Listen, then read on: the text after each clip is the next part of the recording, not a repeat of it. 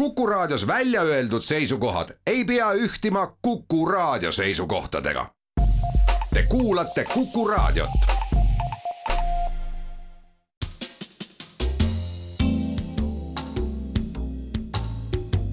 tarkade klubi. tere taas Kuku raadio Tarkade klubi tervitab häid kuulajaid hingede kuu kolmandal laupäeval, kui asjaomased ringkonnad võivad, aga ei pruugi tähistada Beethoveni Fidelio esietenduse või Nürnbergi protsessi alguse aastapäeva asjaomastel ringkondadel meil siin Eestis pole novembris tegelikult suurt tähistada midagi, peale nelja üldtuntud püha, milledest kolm on konkreetsete pühakutega seotud ja neljas või see kõige esimene tegelikult kõiki hingi, nii pühasid kui veidi vähem, meeles peab meelespidamine on üks keeruline kunst ja kes veel, kui mitte meie saate head kuulajad ja osalejad seda kõige paremini teavad. Ühe tuntud ülemöödunud sajandivahetuse saksa neuroloogi nimi kipub mälumängus osalejatel keskmisest tihedamini huultele tulema ja seda ikka naljatavas võtmes, ehkki nimetatud neuroloogi teed rajavas avastuses midagi naljakat ei olnud. ka ei ole kindlasti naljakas lähedastele, kui kiputakse unustama olulisi tähtpäevi ühes juurdekäiva komplimentaarse või materiaalse meeleks pidamisega aga kui see, mida meeles vaja hoida, on hiljuti toimunud, nagu näiteks eile, on lood pisut paremad. eile tähistati, kus valjemalt, kus vaiksemalt, rahvusvahelist meestepäeva.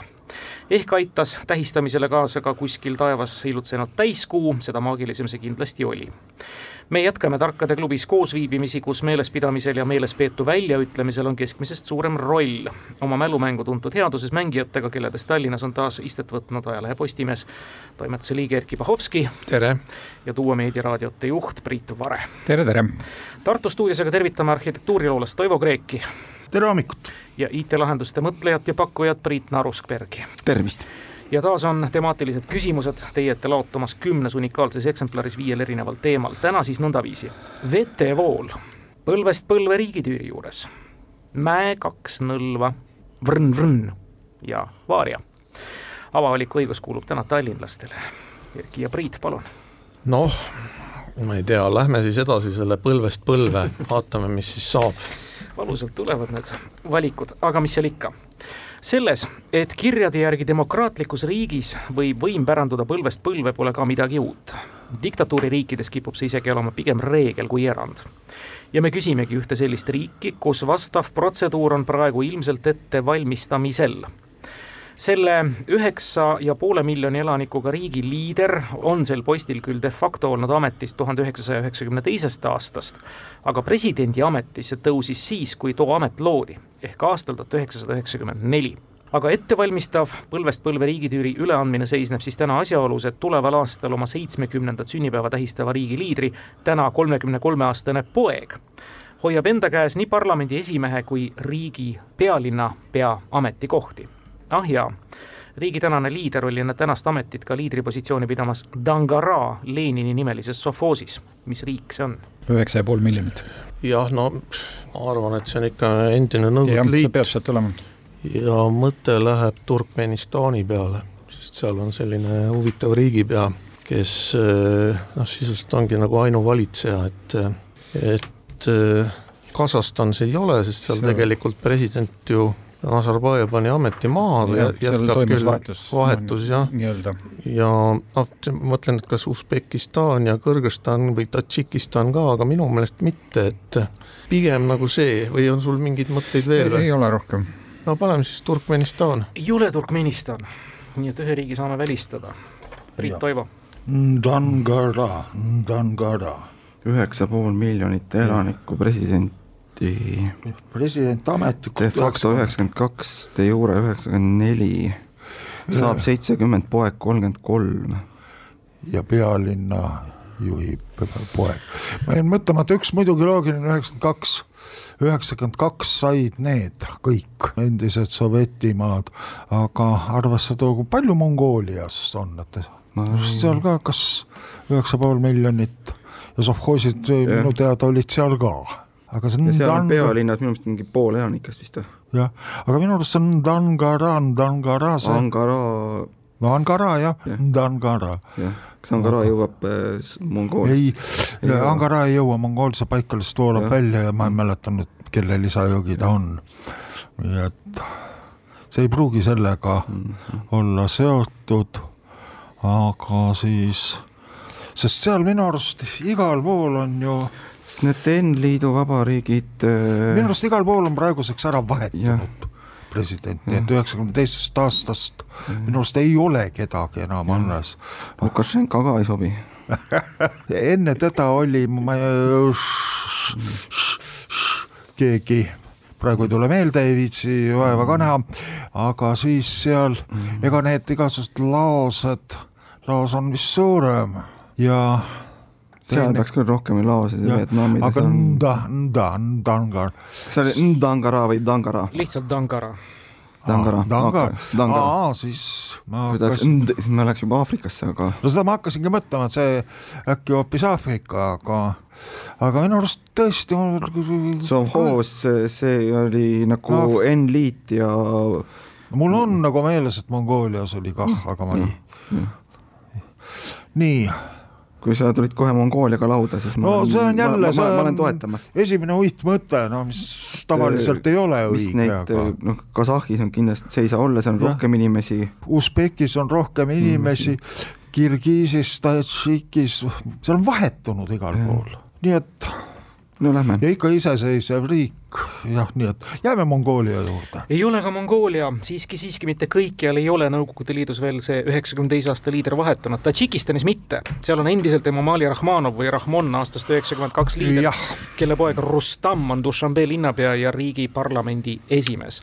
Emomaalia on vaikselt siis võimu üle andmas, ehkki veel viimatistel valimistel kogus ta üheksakümmend kaks protsenti oma rahva häältest ja seega oli siis väga palavalt armastatud. päris kindlasti kohe, ega midagi, lähme, tartlased, te saate valida. ma ei oska nagu midagi valida. autode pilte ma ei vaata, jah, aga kuule, teeme vaadata. nende isade-poegadega no teeme selle, lõpuni ja ära. põlvest põlve riigitüüri juures. kaasaja Venemaa tuntumaid avaliku elu tegelasi on kindlasti diplomaat, aga rohkem küll Venemaa presidendi karismaatilise suuvoodrina tuntud Dmitri Peskov. viiekümne nelja aastane Dmitri Sergejevitški on läbi kaugel ulatuvate sugulussidemete üllatus-üllatus nii-öelda põlvest põlve püsinud riigiladviku juures või selle läheduses. läbi oma esimese abikaasa tal on neid kokku kolm olnud. aastal tuhat üheksasada kaheksakümmend kaheksa kuni üheksakümmend neli oli Peskov abielus Anastassiaga, kes on ühe tuntud Doni vaeste kasakate seast pärit hilisema tuntud sõjaväelase lapselaps. ja me küsime, kelle lapselaps? küsitav oli Jossif Stalini lähedane liitlane, mitme sõja kangelane, NSV Liidu Ülemnõukogu kaheksa koosseisu liige ja kogus kuulsust muidugi teatud väeliigi looja ja esimese juhina no eks ta siis, on sul, on sul muid mõtteid peale Budjonni? Ei ole, ma jätsin juba poole pealt kuulamise pooleli, sest äh, ma jäin su peale lootma. jah, no nii on. ma Selle nii, et noh, siis Budjon ütlen ära. muidugi, Semjon Budjon, see on siis NSV Liidu ratsaväe looja ja selle juht suurte vuntsidega. ta on nii kasakate perest pärit ja näete, Peskov on temaga siis olnud seotud sedaviisi. tea, paljudele selle tänapäeval siis nii-öelda ka nina alla hõõrutakse, tallinlased. aga lähme siis vete peale äkki. ja teie valitud teema ei ole näiteks isadelt poegadele pärandatud ettevõtetest, vaid seda tulebki sõna otseses mõttes võtta. niisiis, alustame. Emajõge teame, tunneme me kõik. aga me küsime, kus asub Isajõgi selle ääres või vahetus läheduses paikneb üks asula, mille sarnasekõlaline nimi ühe variandina samuti otseselt isa linnust tähendada võib. eelkõige pigem siis vastav ligikaudu seitsmesaja, kaheksasaja elanikuga küla, mitte niivõrd see tänapäeval teistmoodi nimega jõgi, sest Isajõe ajaloolisele staatusele on küsitavas ümbruskonnas pretendente isegi mitmeid. kus asub Isajõgi? Öelge see, seitsmesaja, kaheksasaja isa linnus. isa linnus. keeruline jah, no see peab olema mingis murdekeeles, et äh, ja just, aga seitsesada, kaheksasada, see on päris suur. noh, see ikka jah, niisugune korralik, korralik olevik. et äh, ma mõtlen, et äh, noh, linnus, eks ole, on nagu seal võru keeles on, eks ole, liina, eks ole, et seal on Vasseliina, mis on nagu uus linn või uus linnus. ja Tsirguliina on, eks ole, linnu linnus, noh siis äh, isa, eks ole, mis siis võiks olla, mingi papa või papaliina, aga ma ei tea ühtegi sellist kohta, ma lihtsalt mõtlen keeleliselt tuletada ja, ja noh, Isajõgi praegu ei ole, eks ole, et see on nagu vana nimi olnud. jõgi peab olema ka. Jõgi peab ka olema jah, jõgi ja linnus. ja ma mõtlen nagu teistele murdekeeltele, et noh, Saaremaal on äh, ja Muhus on äh, maalinnad. Need ei ole nagu üldse nagu linnused ja ma mõtlen, et külanimed nagu ei ole nagu sellega otseselt seotud, et see on jah, nagu keeruline, et siin on muidugi jah, et Eesti asustusgeograafile see on ilmselt lihtne küsimus, aga ma oskan tuletada ainult keele järgi, et ja linnus jah, on nagu võru keeles on liina ja sealt edasi tuleb juba linn, eks ole. just, aga linn tuleks, linn tuleks välistada mõnes mõttes ju, meil on tegu külaga. jaa, aga noh, selle noh no, tudulinn on ka, eks Just. ole, olemas on ju, et ja noh, ta ei, ei ole ju linn, eks ole, et, et aga noh, tudu ei viita nagu kuidagi nagu papale või, või, või isale, et, et noh, et ma mõtlen nagu, et mis need lähikeeled siin on, eks ole, et soome keeles on isa, ise, vene keeles on atets, noh, vater on, on saksa keeles, noh, on mingi Vaterland on, eks ole, on nagu selline, selline nagu eesti keeles küll nagu aeg-ajalt kasutatakse, aga ma mõtlen, et vader, vader, sealt saab midagi, on meil selliseid kohanimega, mis, kohanimesid, mis algavad sõnaga vader, vaderliina peaks olema siis sellist ei ole olemas minu teada. ja vaderlinna ma ka ei tea, et niisugune asi oleks olemas või no aga no. kus veel on linnuseid?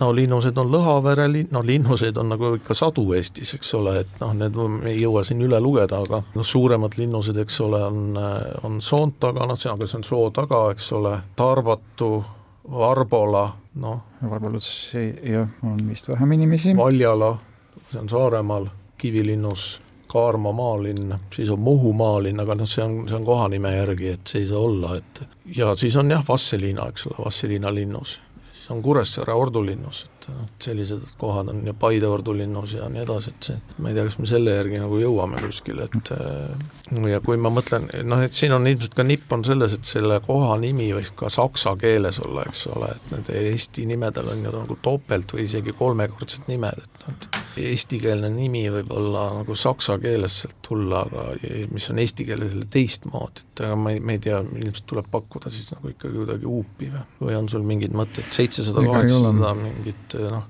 inimest, et äh, Purtse, Purtse linnus, aga see ei ole see. Ja Narvas on rohkem ikkagi kui seitsesada, kaheksasada inimest. et ega väga head nagu ma ei, ma ei tea, et mis me siis võime pakkuda, et see Vasseliinas, kas seal üldse on jõgi, vist on ikka jõgi seal Vasseliinas? pakume seda. pakume seda, jah. ei ole Vasseliina, kahjuks. ja palun, Priit Toivo Tartus. nii, ma saan aru, et ega selles küla või mis ta nimes ei pea olema seda linnust linna sees. kuidas see kogu küsimus oli? Küsimus oli selline, kus asub Isajõgi ja, ja seal on siis nüüd äh, selle ääres või vahetus läheduses paikneb üks asula, mille sarnase kõlaline nimi ühe variandina siis samuti otseselt isa linnust tähendada võib.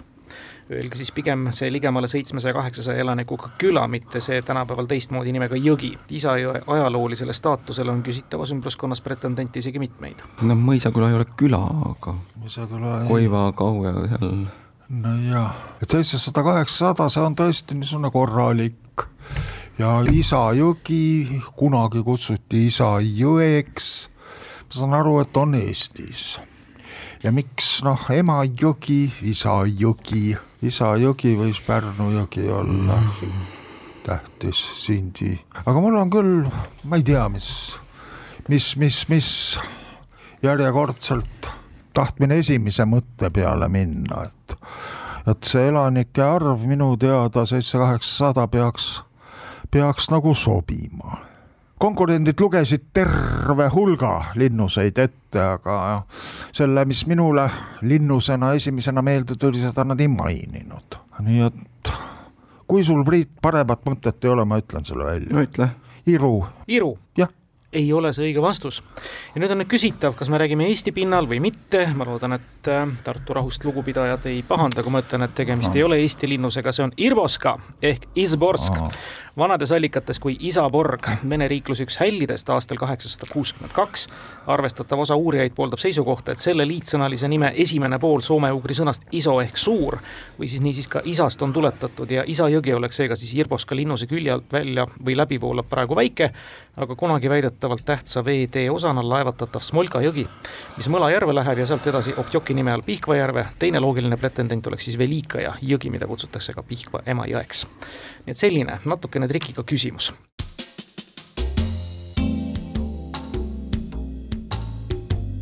tarkade klubi.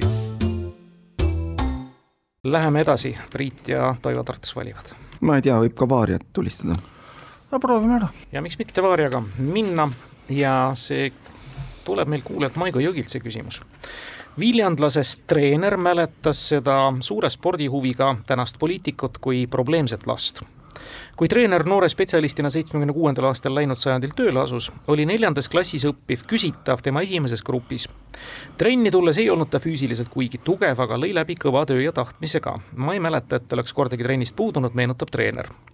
algul paljusid alasid teinud nooruk saavutas oma parimad tulemused kaugus- ja kolmikhüppes ja korra tuli ta ka spordiklubi Jõud meistriks.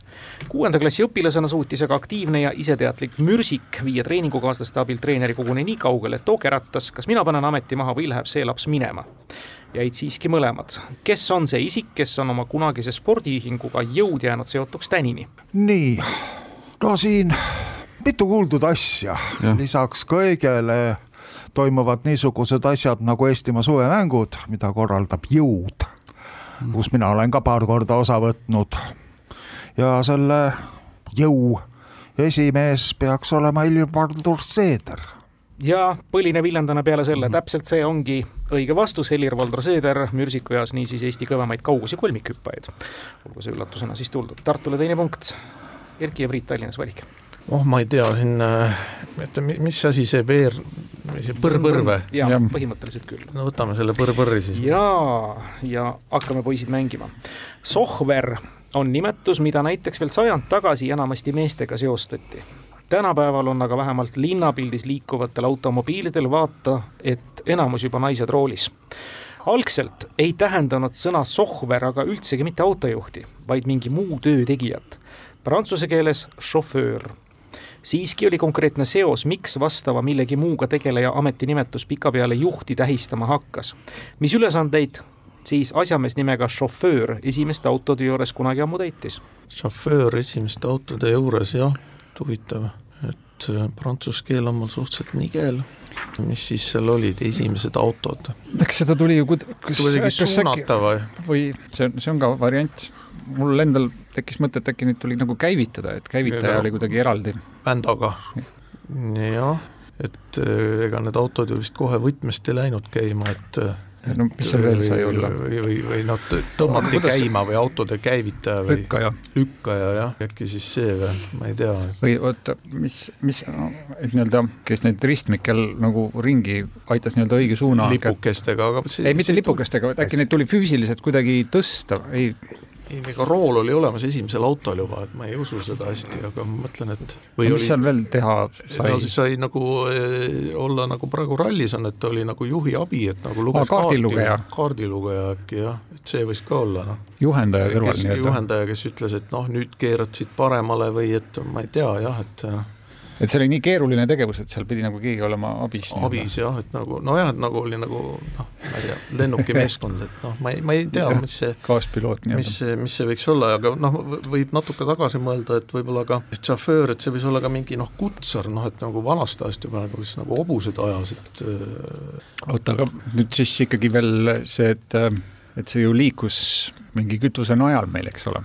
et kuidagi teda oli vaja ikkagi ju kuidagi käimas hoida, et ähm, jaa, et ega nad ju, aga ta oli ikkagi alguses ju noh, sisepõlemismootor ikkagi noh, et äh, ma ei tea, et ma ei, ma ei kujuta ette, kaardilugeja oleks nagu mõte või aga võib-olla see käivitaja ka, et lihtsalt tõmbas selle auto käima, et et see hiljem kandus siis nagu sohvrile, selles mõttes see kaardilugeja mõte nagu võiks, võiks olla nagu noh, nojah ja, et hiljem polnud teda vaja ja siis see nimetus nagu jäi. nojah, jääb siis nii. Ei ole kaardilugeja, ehkki Martin Järveojat tervitame sellega. palun, Priit ja Toivo Tartus. räägi oma mõte ära. prantsuse keelt ma eriti ei jaga, aga minu mäletamist mööda olid esimestel autodel oli see, et kui härrad sõitsid, siis keegi käis lipuga ees ja peletas pööbli minema. et järsku oli siis see šoföör see, kes selle lipuga ees käis ja auto, auto eest hoiatas. ei ole ka see õige vastus. Ja tegelikult, Priit, Tallinnas oli päris lähedal. ega Nii. esimesed autod ei olnud päris sisepõlemismootoriga, nad olid auromootoriga, vajasid kütet. just, šoföör on katlakütja, kes siis aurumootoritele nii-öelda kütet alla pani, täpselt nagu auruveduriteski. nii et lauda jäänud küsimus. Tartu kaks-null ees poole mängu peal ja Tartu valib. ma ei tea kas Vaarja jälle või? võtame vari ära, jah. Ah. nii, ja selle küsimuse on meile saatnud hea raadiokuulaja ja raadiojuht Madis Kimmel, kes inspireerituna meie viimastest saadetest on ka ühte muusikaküsimust küsimas. tuhande üheksasaja kuuekümne kaheksandal aastal ilmus ühel kauamängival lugu, mille žanriline liigitus on protopunk. laulu pealkiri viitab lõbustuspargi atraktsioonile, millisel lastakse hooga alla spiraalikujuliselt liurajalt, mis omakorda väänleb ümber tuletorni meenutava ehitise. popkultuuris on laulu pealkiri tuntud tänu Charles Mansonile, kelle sõnul kuulutas pealkirja fraas ette algavat rassisõda. milline bänd ja milline laul, kaheosaline küsimus. No nii, see peaks ikka sinu teema nüüd peaks olema. olema jah. protopunk bänd kuuskümmend kaheksa, Mansoni, Mansoni lemmik, ma saan aru. ja see atraktsioon. kuuskümmend kaheksa, kes seal protopunk võiks olla? lõbustuspargi atraktsioon, Ameerika mingi Joyride'i ei tule sellist äh, lugu, kuuskümmend kaheksa protopunk. mis see atraktsioon võiks olla? Ma umbes kujutan teda ette, aga mul ei tule mingi Ameerika mägede sarnane asi, aga äh, sarnane jah, aga mitte päriselt. hmm. kuuskümmend kaheksa, ja et kuulutab, nojah, et Manson, Mansonit Innustas. sel aastal midagi välja ei andnud. küsimust veel korra kuulan siis. niisiis ühel kauamängival aastal tuhat üheksasada kuuskümmend kaheksa ilmus lugu, mille žanriline liigitus on protopunk.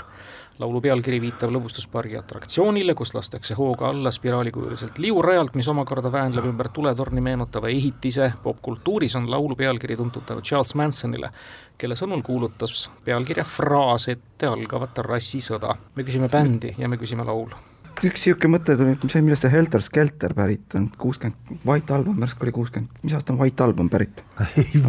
mina, mina olen Targu Vait. võiks olla, et mingi, see Siis- võiks olla selline, kui ma mõtlen, laul on protopunk, mitte jah, laul on mitte see võiks olla. kas järsku on White Album kuuskümmend kaheksa? no lähme Helter Skelter ja Beatlesid. aga see on õige vastus, muidugi see on Beatles Yes! White Album ja Helter Skelter, Tartu kolmas punkt. Tallinnal muidu oli see peaaegu et kohe kirjas. ei olnud sedakorda siis teemavalikuga õnne, aga lähme edasi, meil on veel neli küsimust minna ja Erki Priit Tallinnas. nii, siin on veel see Mäe kaks-null või? ja mis on veel võtmata, no eks siis see jah, suusamed kleidil, pael libises veidi ja õlgu paitas soe üleeile tähistas enda sünnipäeva mitmete tiitlite reas ka nelja lapse isa ja Kuku raadio kunagine saatejuht Tõnis Mägi.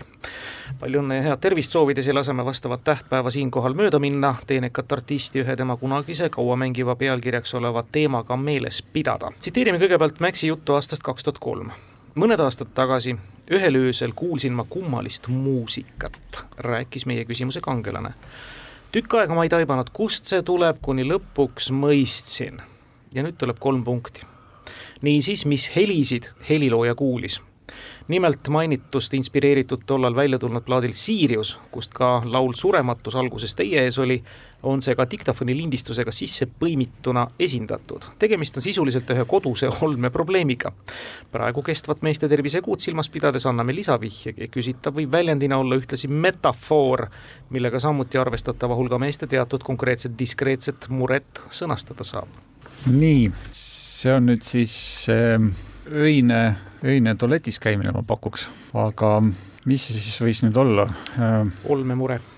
olmemure No või mis-, või või ma olen rappa minemas või? olmemure on jah, mitte meditsiinimure, eks ole. Ehm, praegu kestvat meeste tervisekuud silmas pidades oli lisavihjena antud, et küsitav võib väljendina olla ühtlasi metafoor, millega samuti siis arvestatava hulga meeste teatud konkreetset diskreetset muret sõnastada. ja siin on nagu vihjeid palju jah. vihjeid on väga vihjeid palju, palju jah. jah, et noh, et see on öine ja see on tualetis öine aga see on öine asi igal juhul. ja noh, seda vist äh, tuli see nägemus või visioon talle öösel ju, et äh, kuulis ühte heli, jah? heli ja et noh. no siis on vetsus on vesi jooksma jäänud näiteks. no jaa, aga see ei ole nagu ju no mis, mis siis on, eks ole, on, et no külmkapi kallal võib käia, külmkapi hääl. Jaa, aga ma mõtlen metafoorina, metafoorina., et mis see on, et no see ei ole, et nagu mm -hmm. huvitav, et see on mingi, ma ei tea, põiehäda või põiepidamatus või midagi sellist, aga see ei ole metafoor, see, see on ikka konkreetne kuuldud nagu... laulus on see kodune probleem siis ka diktofoni lindistusega sisse põimitud. no aga see on lausa probleem. olmeprobleem. olmeprobleem, no mis saab öösel olla olmeprobleem, seinad kostavad läbi. jaa, et äh, ja mis on metafoor ka, et puu, puurimine, pidu kuskil äh, naaberkorteris äh,. samas, kas see mürareostus on tegelikult ju, mis on äh, ka metafoor võib-olla ja midagi sellist või? no mis hääli? no veel, et noh, et aken on lahti, on ju, kolksatab või midagi sellist. nagu probleem, no mingi vee tilkumine või mingi selline asi? jaa, veepidamatus. täpselt nii. Ma rohkem ei anna teile arutleda, see on tilkuv kraan täpsemini öeldes millega saab siis ka metafoorselt ka seda diskreetset muret ja sellesama loo surematus tilgub jah, jah., tõesti tilgub. nii, te saate punkti silma pähe, üks-kolm seisult ja Tartu valib. nii, kõigest on mul on üsna kõigest on üks jäänud. vetevool, vrn-vrn, Mäe kaks nõlva. kas see Mäe kaks nõlva on jälle Tõnis Mäest või? no või plaadi nimi oli kunagine jah, jah.. Mm -hmm. aga me võtame need Mäe kaks nõlva ära.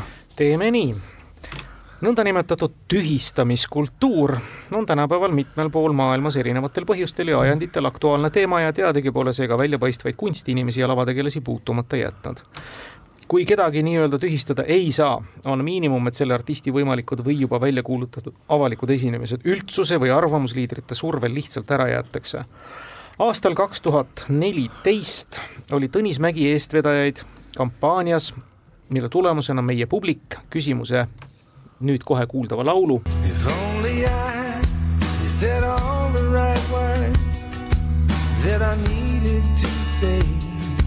Better Man esitaja ülesastumisest ilma jäi. kelle? tegemist on seitsme lapse isaga, usutunnistuselt budistiga, ehkki esivanemad veel veidi rohkem kui sada aastat tagasi praeguse Valgevene aladel judaismi praktiseerisid. Mm, see oli niisugune case, kus äh, Haapsalu bluusi korraldajad tahtsid kutsuda esinema Steven Seagali, aga kuna tema, tema vaated olid natukene pahad, siis äh, Mägi hakkas äh, eest vedama, et ta ei tuleks esinema just nii ja siin ei ole midagi, sisuliselt välk vastus, see oli Steven Seagal tollal päevakajalise Krimmi Venemaa poolt annekteerimise ja Ida-Ukrainas käiva sõja taustal Malaisia reisilennuki allatulistamise järgses pingelises õhustikus saavutasidki siis Putini-meelsed Seagali vastustajad ka selle, et Haapsalus Augusti bluusist ta eemale jäi. neljas punkt teile, kaks küsimust lõpuni minna. Erki ja Priit, kas vrn-vrn või vetevool? Ma ei tea, selle põrr-põrriga me saime suhteliselt lähedal, et äkki, äkki selle siis maailma erinevates riikides ei diskrimineerita üksnes naisi, vaid mõnikord ka mehi. Medellini linnas Kolumbias kehtestati aastal kaks tuhat neliteist ja seda tegelikult juba üsna mitmendat korda keeld, mille sisuks on, et meessoost isikud alates vanusest neliteist ei tohi õhtul kella kaheksast kuni südaööni mootorratta esiistmel reisijatena kaasas sõita mõni aasta hiljem sätestati ka sama pealinnas Bogotas. millisel konkreetsel põhjusel niisugust keeldu tarvis läks? See ei ole veel vastus, mõtleme, aga mul nagu esimene laks tuleb meelde see, et et seal nagu mehed istusid seal ees ja olid automaadiga relvastatud ja sooritasid neid palgamõrvasid et.... see võib ka vastusena kirja minna, see on õige mm. -hmm. motomõrvade vältimiseks narkokartellide tuntud keskuses Medelllinis oli saanud tavaliseks, et arveid õiendati mootorratta tagaistmelt tulistades, misjärel teo sooritajad siis kindlasti sündmuspaigalt ära sõitsid. Medelllinis olevatki ebaloomulike surmade arv selle tulemusena märkimisväärselt vähenenud head kuulajad, siinkohal paraku selle laupäevane Tarkade klubi saade lõpetab. põhjus on helitehniline, mis ei lasknud meil viimast küsimust ja mängu eetris paraku lõpuni salvestada. kohtumise võitis taas kord Tartu duo Toivo Kreek ja Priit Naruskberg tulemusega neli-kaks. me siiralt vabandame kuulajate ja mängijate ees ning lubame, et küsimus, mis kuulmata jäi, saab kostuma meie järgmises saates. ilusat laupäeva jätku!